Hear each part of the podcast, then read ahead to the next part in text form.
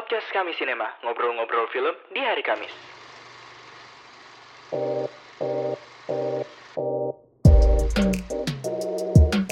Pagi, selamat siang, selamat sore, dan selamat malam kepada pendengar setiap podcast kami, podcast kami Sinema.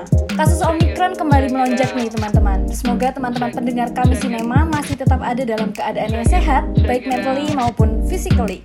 Kalaupun memang teman-teman sekarang sedang dalam keadaan yang kurang sehat, semoga aja podcast kali ini dapat menjadi teman sekaligus penghibur buat kalian. Karena hati yang gembira adalah obat yang manjur. Gak usah berlama-lama lagi, bareng Gaby di episode kali ini, kami persembahkan episode ke-21 podcast kami Sinema, Class or Trash.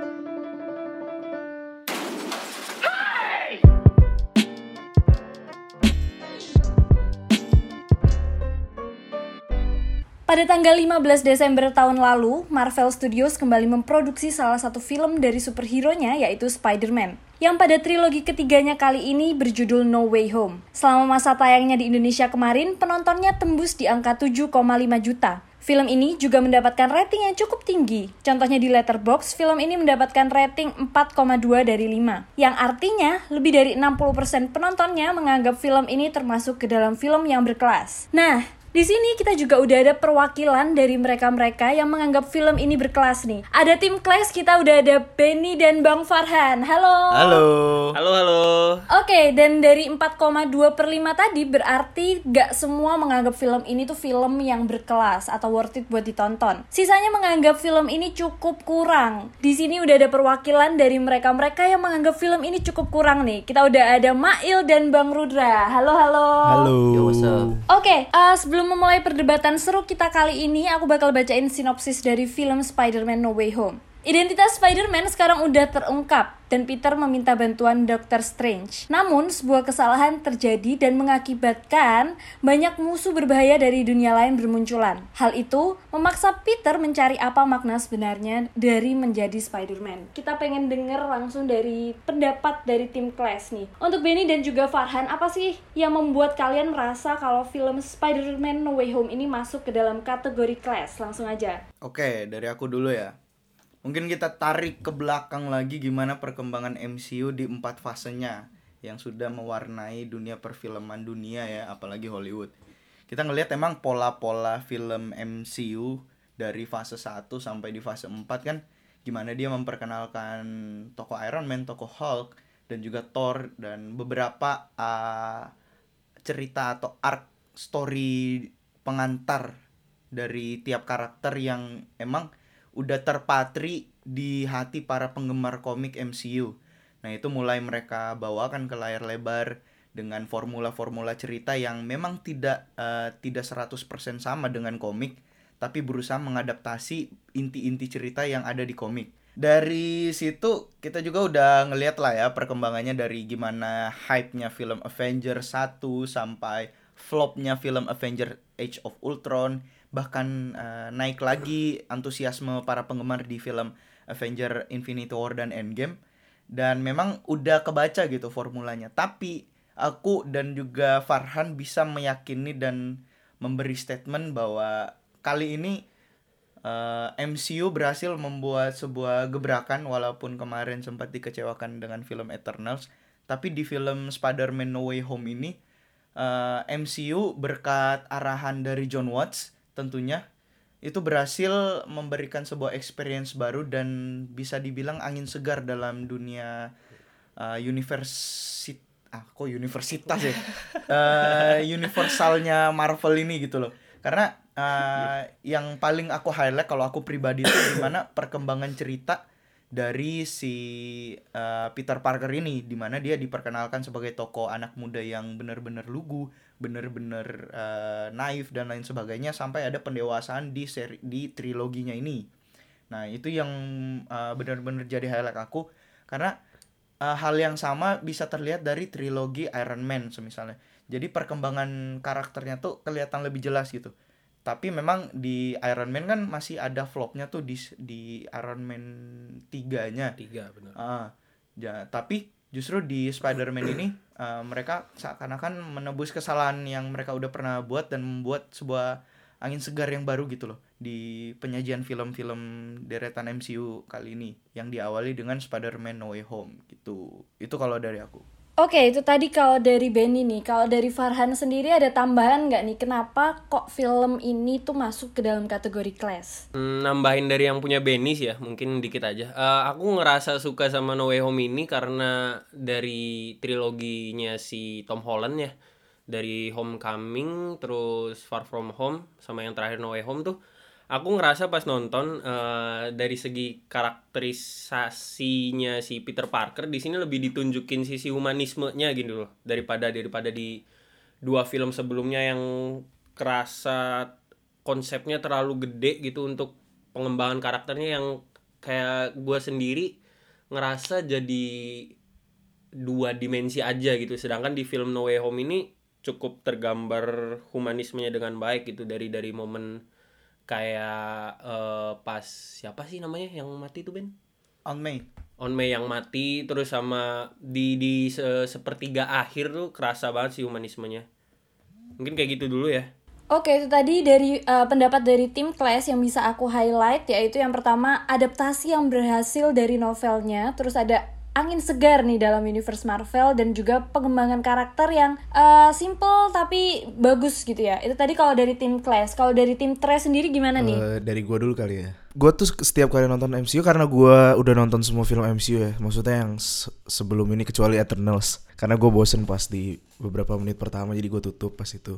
Eh gue tuh inget Martin Scorsese pernah bilang kalau film MCU itu bukan film gitu. Dan itu lebih kayak ke theme park ride aja kayak lebih ke wahana gitu. Dan awal-awal gue awal-awal gue sebel dia ngomong gitu kayak ah apaan sih nih orang? Dan itu gue masih bener-bener hype-nya hype-nya Infinity War dan Endgame kalau nggak salah lupa gue tapi makin lama makin lama pas gue lihat pelan-pelan tuh kayak formulanya semakin kerasa makin ke sini gitu dan gue merasa kayak oh iya gue nonton MCU tuh ya buat experience dan juga pengalaman aja maksudnya bukan bukan buat experience film film gitu yang yang biasanya gue dapat dengan film-film lain yang gue tonton gitu pada umumnya dan menurut gua di Noem ini mereka tuh berusaha sekali agar gimana caranya dengan cameo-cameo yang dikasih ini. Gua rasa ini menjadi sebagai kayak cuman kayak cuman alat aja gitu untuk mempromosikan film mereka. Ya pasti itu juga sih maksudnya salah satu tujuannya tapi jadi semacam tidak ada cerita yang baru, cerita yang original. Karena sebenarnya ju- sejujur-jujurnya isi film ini hanya callback dan juga fan service itu yang gue tangkep. Gue suka itu tapi untuk menikmati sebuah film itu harus lebih dari daripada callback dan fan service gitu. Rasanya jadi kayak kayak cuma baca Twitter aja, baca Twitter orang-orang teori-teori film gitu.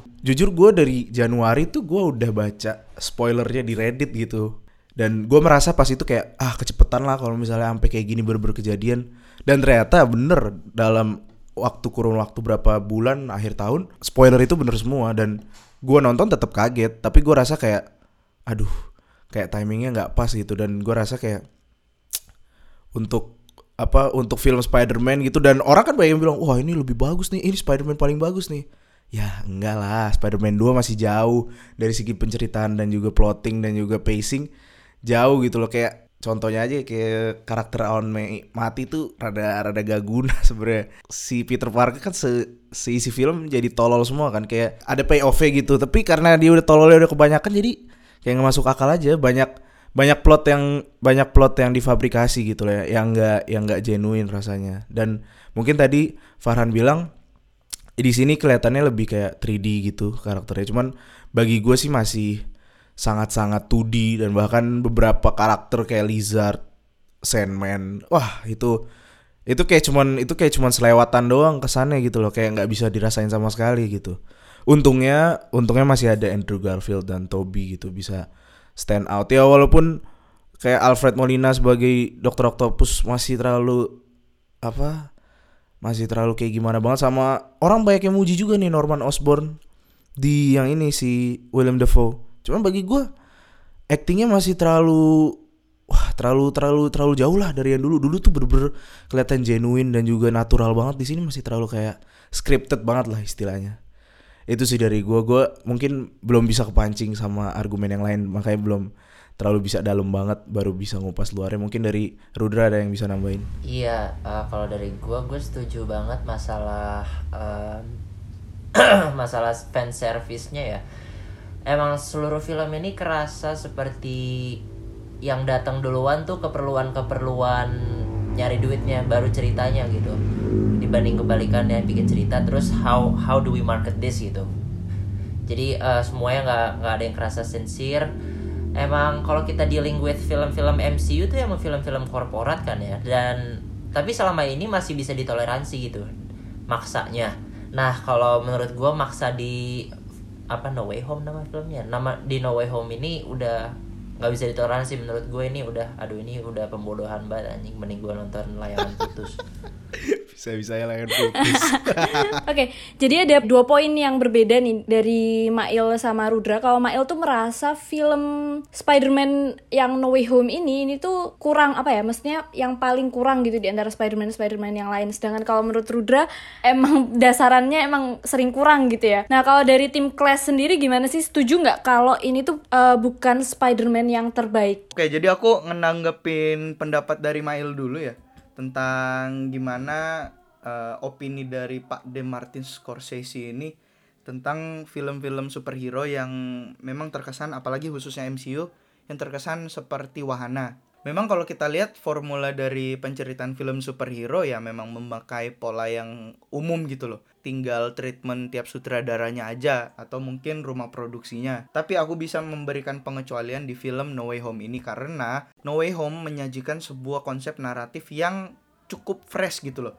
Karena mereka menitik beratkan gimana sosok Peter Parker ini yang besar dengan mentoring yang dia awalnya mentor ini si Tony Stark terus akhirnya hilang mentor itu terus datanglah sosok Misterio yang pada akhirnya hanya menjadi seorang penjahat. Terus balik lagi di No Way Home ini hadirnya Doctor Strange juga itu sebenarnya memberikan sebuah teasing atau ya teasing kalau memang Peter Parker ini dari awal karir dia sebagai seorang superhero saat ia sadar dia adalah seorang Spider-Man sampai di titik di film No Way Home ini dia nggak bisa lepas dari seorang mentoring gitu loh.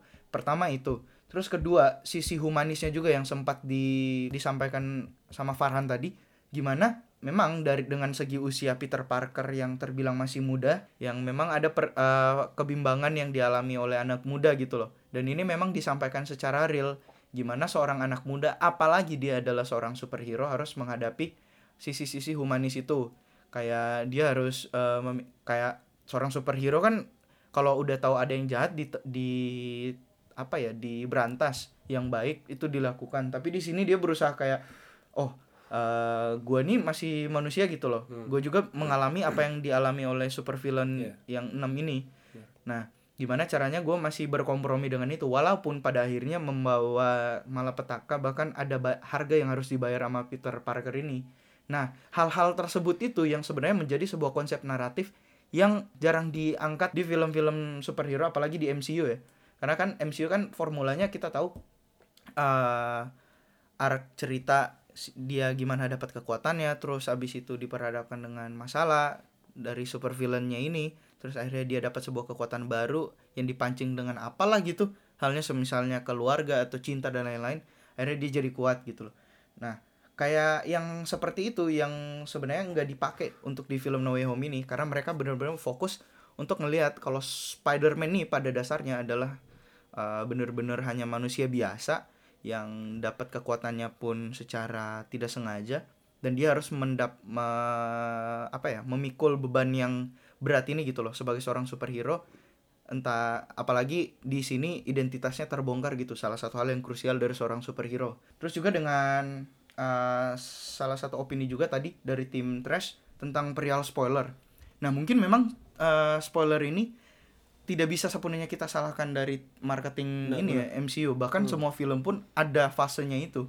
Nggak hanya MCU atau nggak hanya DC Universe. Bahkan film-film yang memang dalam tanda kutip adalah film adalah sinema itu tidak lepas dari spoiler ini dan itu emang jadi salah satu efek dari persebaran media yang cepat di era sekarang gitu mungkin kalau film No Way Home dirilis misalnya kita tarik lima tahun belakang atau 8 tahun ke belakang aku yakin eh, boomingnya pun akan lebih dari sekarang gitu loh Iya, iya. iya. kita ngelihat dari film Avatar aja gitu loh film Avatar yang tidak ada spoilernya tidak ada teaser atau maksudnya tidak ada ya hanya berharap dari uh, trailer dan teaser gitu dan juga omongan-omongan dari Mulut media ya. Uh-uh.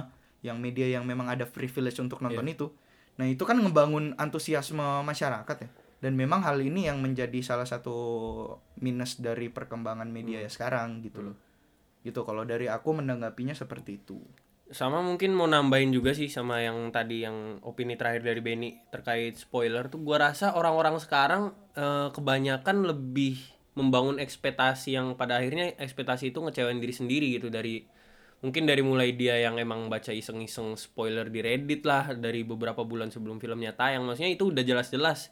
Itu spoiler gitu kenapa lu baca dan kenapa lu nonton kecewa gitu kalau itu ternyata benar. Maksudnya ya i- itu udah konsekuensi jelas yang harus lu terima gitu loh. Maksudnya lu berharap apa? Berharap spoilernya salah gitu. Ya kalau menurut gue sih gitu tambahannya ya dikit aja sih. Dan apalagi mungkin tambahan dikit lagi terlepas dari ada spoiler Tobey Maguire dan juga Andrew Garfield kayaknya tetap tetap orang tetap antusias gitu loh. Iya. Di kemunculannya di film pun tetap ada yang tepuk tangan eh, standing ovation dan lain sebagainya. Jadi sebenarnya kalau untuk di film ini gitu memang ada spoiler dan itu lebih ke take it for granted gitu loh. Ten- tergantung dari kaliannya gitu loh. Mm-mm. Kalau dari aku dan Farhan kayak gitu. Eh sama dikit lagi boleh gak sih? Boleh ya? Boleh, boleh. Eh, sama misalkan udah baca spoiler kalau gue sendiri ya eh, maksudnya kan film bukan cuma satu aspek dari cerita kayak gimana plotnya kan. Gue gua misalkan kena spoiler masih mikirin oh gimana sih cara dia nunjukinnya? Gimana sih cara dia ngedirect Ya. si cameo ini gimana? Apa segala macam maksudnya gue bakal tetap eh, jadi itu jadi sebuah kejutan gitu loh. Nggak nggak cuma karena ada dia terus gue kecewa gitu loh. Maksudnya banyak aspek yang dipertimbangkan gitu loh tambahan dari gue sih gitu Oke, tadi dari tim Class berasa seru banget nih kayaknya Mail udah gatel nih pengen ngomong gimana Mail? pengen nyangga banget nih. gue mungkin mungkin bu- bukan nyangga sebenarnya mau mau meluruskan. Gue pas yang gue baca spoiler di Reddit terus kan gue nonton. Pas pertama kali nonton gue masih like MCU fan gitu. Gue teriak semua spoiler yang gue udah tahu udah gue tahu gue tonton gitu. Dan gue masih kaget dan gue nggak kecewa sebenarnya. Gue kecewa tuh pas gue nonton kedua kali gitu. Kayak ternyata setelah nonton dua kali kan artinya gue udah tahu nih semua alurnya gitu. Gue udah tahu semua cameo lah terlepas udah dari spoiler gitu. Nah gue kecewa kayak gue tidak merasakan istilahnya keseruan itu lagi gitu untuk kedua kalinya. Karena ya gue udah tahu gitu apa-apa aja yang bakal datang dan eh, setelah nonton kedua kali gue lebih tahu kenapa banyak hal yang kurang masuk akal dan kenapa banyak hal yang dimasuk-masukin. Dan yang paling gue notice tuh setelah nonton kedua kali tuh ada di bagian awal sama akhir itu di awal tuh gue merasa plot dia kehilangan kuliahnya dan segala macem yang pokoknya yang dia akhirnya menuntun dia ke Dok- Doctor Strange itu itu terasa cepet banget dan harusnya kan dia setelah dia tahuan sebagai Spider-Man dia punya harusnya punya ketakutan gitu dan harusnya itu yang dibawa sampai sampai akhir film gitu loh. Karena menurut gue itu premisnya menarik gitu. Tapi premis itu di mana Spider-Man eh, orang orang-orang udah tahu kalau Peter Parker itu Spider-Man itu kan udah langsung dihapus gitu di first act. Malah kita cuma dapat konsekuensi dari keputusan Peter Parker doang yang di mana ya konsekuensinya juga agak dipush juga agak di dibuat-buat gitu loh. Kayak kayak ah kok kayak nggak kayak nggak mungkin tapi kita harus bersyukur karena pada akhirnya kan di uh, second dan third act kita banyak dapat cameo cameo yang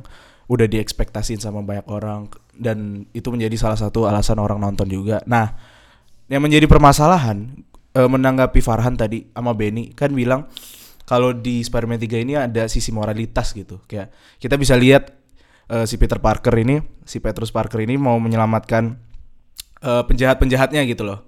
Agar tidak balik ke dunia mereka dan mati gitu ya.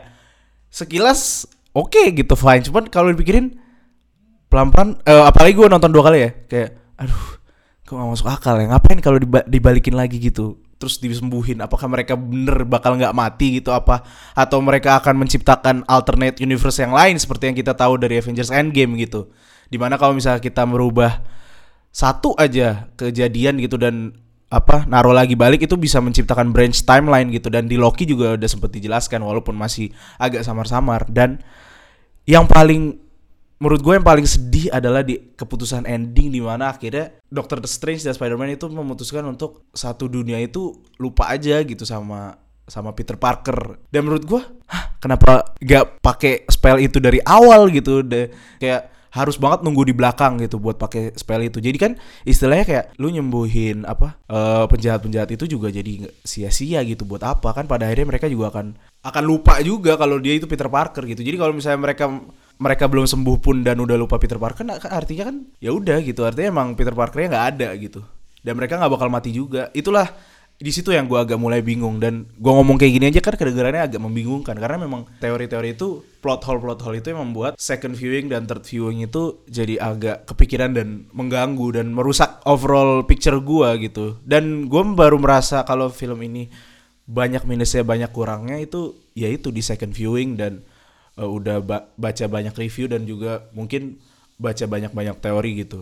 Eh, menarik nih eh, kita dapat pandangan baru termasuk tadi Mail sempat bahas masalah endingnya ya. Eh, ada dua argumen antara tim Clash dan tim Trash utamanya dari Rudra sendiri yaitu kalau di tim Clash ini tuh merasa film Spider-Man No Way Home ini merupakan angin segar lah ya yang menjadi eh, membawa banyak perbedaan gitu. Kalau Rudra sendiri malah merasa ini tuh eh, kayak sama aja gitu ya film superhero nggak ada bedanya bahkan lebih buruk gitu. Gimana nih Rudra Iya, nah leb- segi lebih buruknya tuh eh, kelihatan lebih malasnya gitu loh. Nggak ditunjukin dari segi keperluan memenuhi hal-hal yang eh, kerennya.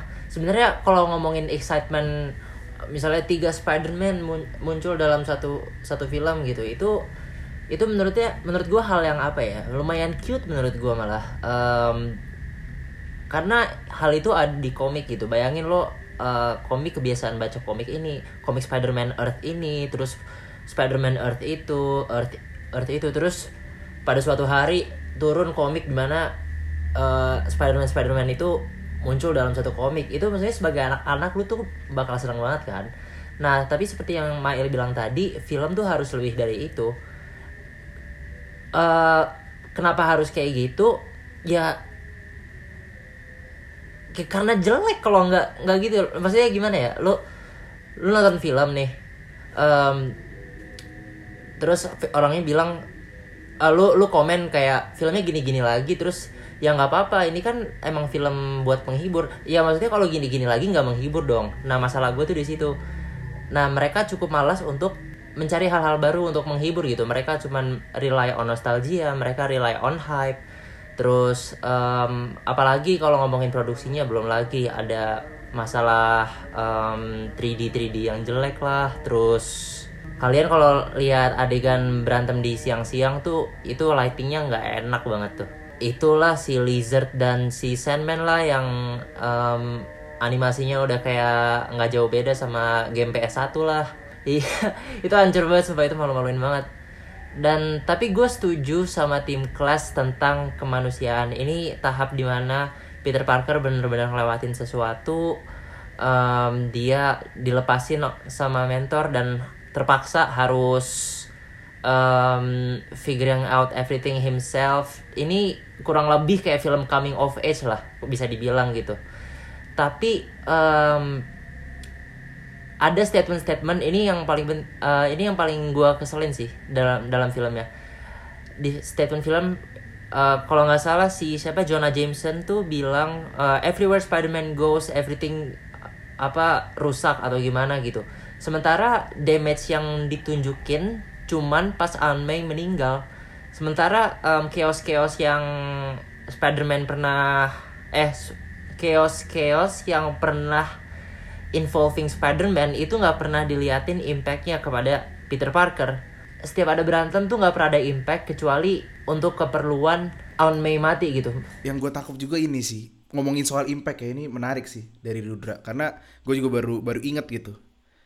Karena apa ya di film Spider-Man yang versi ini gitu, yang versi Tom Holland, impact ke masyarakat eh maksudnya ke masyarakat sekitar New York gitu dan juga untuk ke neighborhoodnya itu sangat impact bukan masyarakat. maksud gue kayak kayak masyarakat Sewon.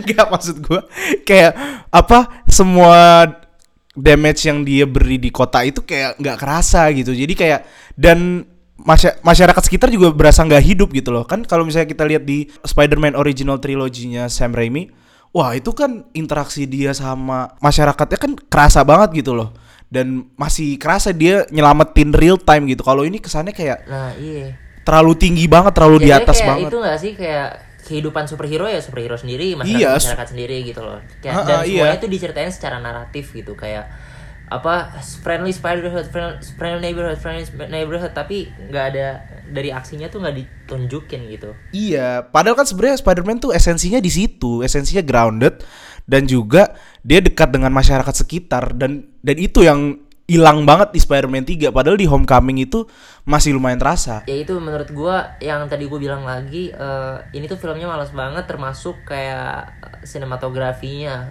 pas momen-momen paling ditunggu eh, audience pas Toby keluar pas Andrew keluar itu disajikan Itu jelek dengan ya? sinematografi terburuk dengan CGI terburuk yang pernah gua lihat dan itu aduh udah sakit banget lah di mata gua udah insulting banget buat sinema. Gue sih paham itu kayak mereka kayak mau menghasilkan apa vibes yang homey gitu biar rumahan. Cuman kayak ayolah cari set piece yang lebih yang lebih mantepan dikit gitu biar visualnya juga enak dilihat itu dan kan yang entrance-nya Matt Murdock tahu kan? Eh Matt Murdock namanya siapa sih? Iya, Iya kan, Matt Murdock. Itu kan? lebih Itu itu, lebih lebih itu bagus lebih op- daripada- Iya, lebih oke. Aneh banget kan? Logikanya tuh di mana anjing? Udah gue segitu aja dah. Gue tambah lama tambah marah anjing.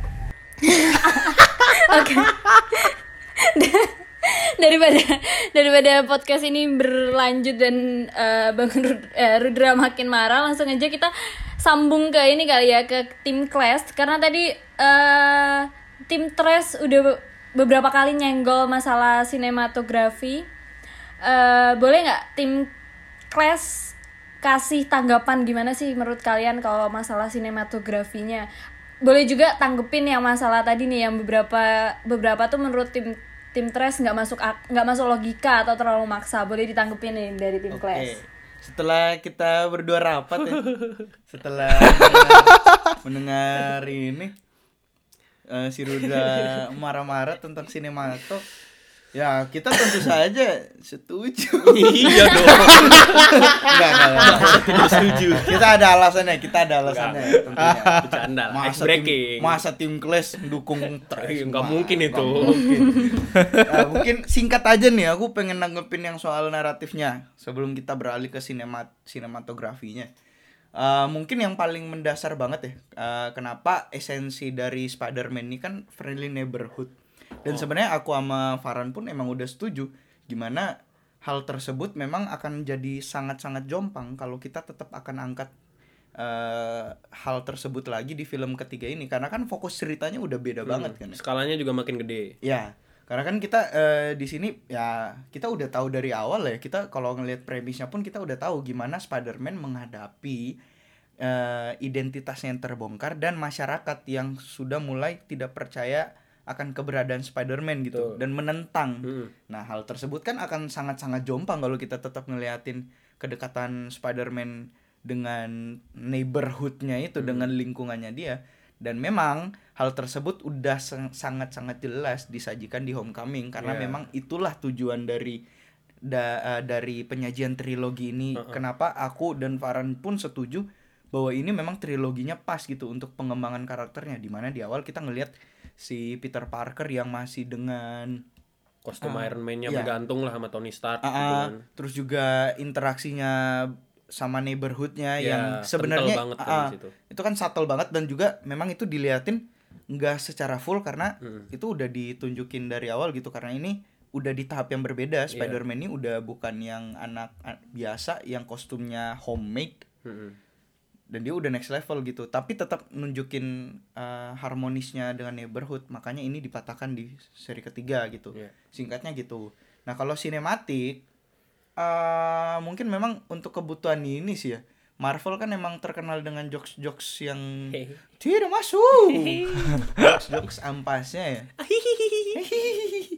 Tapi memang eh, itu mungkin hanya menjadi penyajiannya ya kenapa tiba-tiba malah Sinet yang nge-summon padahal dia siapa gitu Iya loh. betul. dengan ambiguitas yang udah dibangun di awal gimana mereka tuh bahkan penonton pun tahu gitu yang tahu Peter Parker tuh ya hanya mereka gitu Mm. tapi gimana mereka memperkenalkan itu kan ya bahkan kenapa sampai Peter Parker di universe itu bisa datang kan eh, mereka pun datang dengan kebingungan itu kan Iya iya iya. sama seperti super villain itu jadi akan sangat-sangat jompang kalau misalnya kita nampilin eh, Toby sama Andrew-nya tuh nongol tiba-tiba saat si ini mungkin formula yang akan dipakai kalau ini ada film moderate MCU.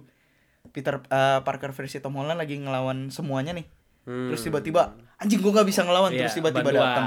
Nah, itu kan itu kan justru formula yang sering Iya, dipakai iya, iya. kan. Di endgame mudah gitu. Di endgame mudah kayak gitu. Nah, tapi kenapa mereka memang harus meng- eh, memberikan intern seperti ini mungkin karena pertama eh, longing karakternya si Ned sama si MJ yang memang butuh eh, cari tahu Peter di mana. Mungkin itu bisa jadi salah satu naratif singkat yang mungkin kalau kata Deadpool lazy writing tapi ya memang harus kayak gitu untuk mengantar ke momen intim ketiga Spider-Man ini yang saat si Peter Parker di atas gedung sekolahnya dia.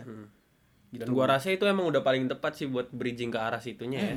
Oke, eh, perdebatan masalah sinematografi yang sebenarnya nggak terlalu berdebat-berdebat banget ini. Eh, jadi penutup kita untuk podcast kita kali ini. Eh, jadi gimana nih untuk teman-teman pendengar? Setelah mendengar podcast ini apakah kalian setuju dengan tim Clash yang sangat jatuh cinta terhadap film Spider-Man Way Home ini? Atau lebih setuju ke tim Trash yang cukup marah-marah nih dengan film Spider-Man kali ini? tetap aja semua eh, pandangan film itu bagus atau enggak itu tergantung perspektif masing-masing. Gitu aja dari kita podcast kami Sinema. Selamat pagi, selamat siang, selamat sore dan selamat malam. Sampai jumpa dan stay safe and stay healthy. Bye. Sampai jumpa. Bye.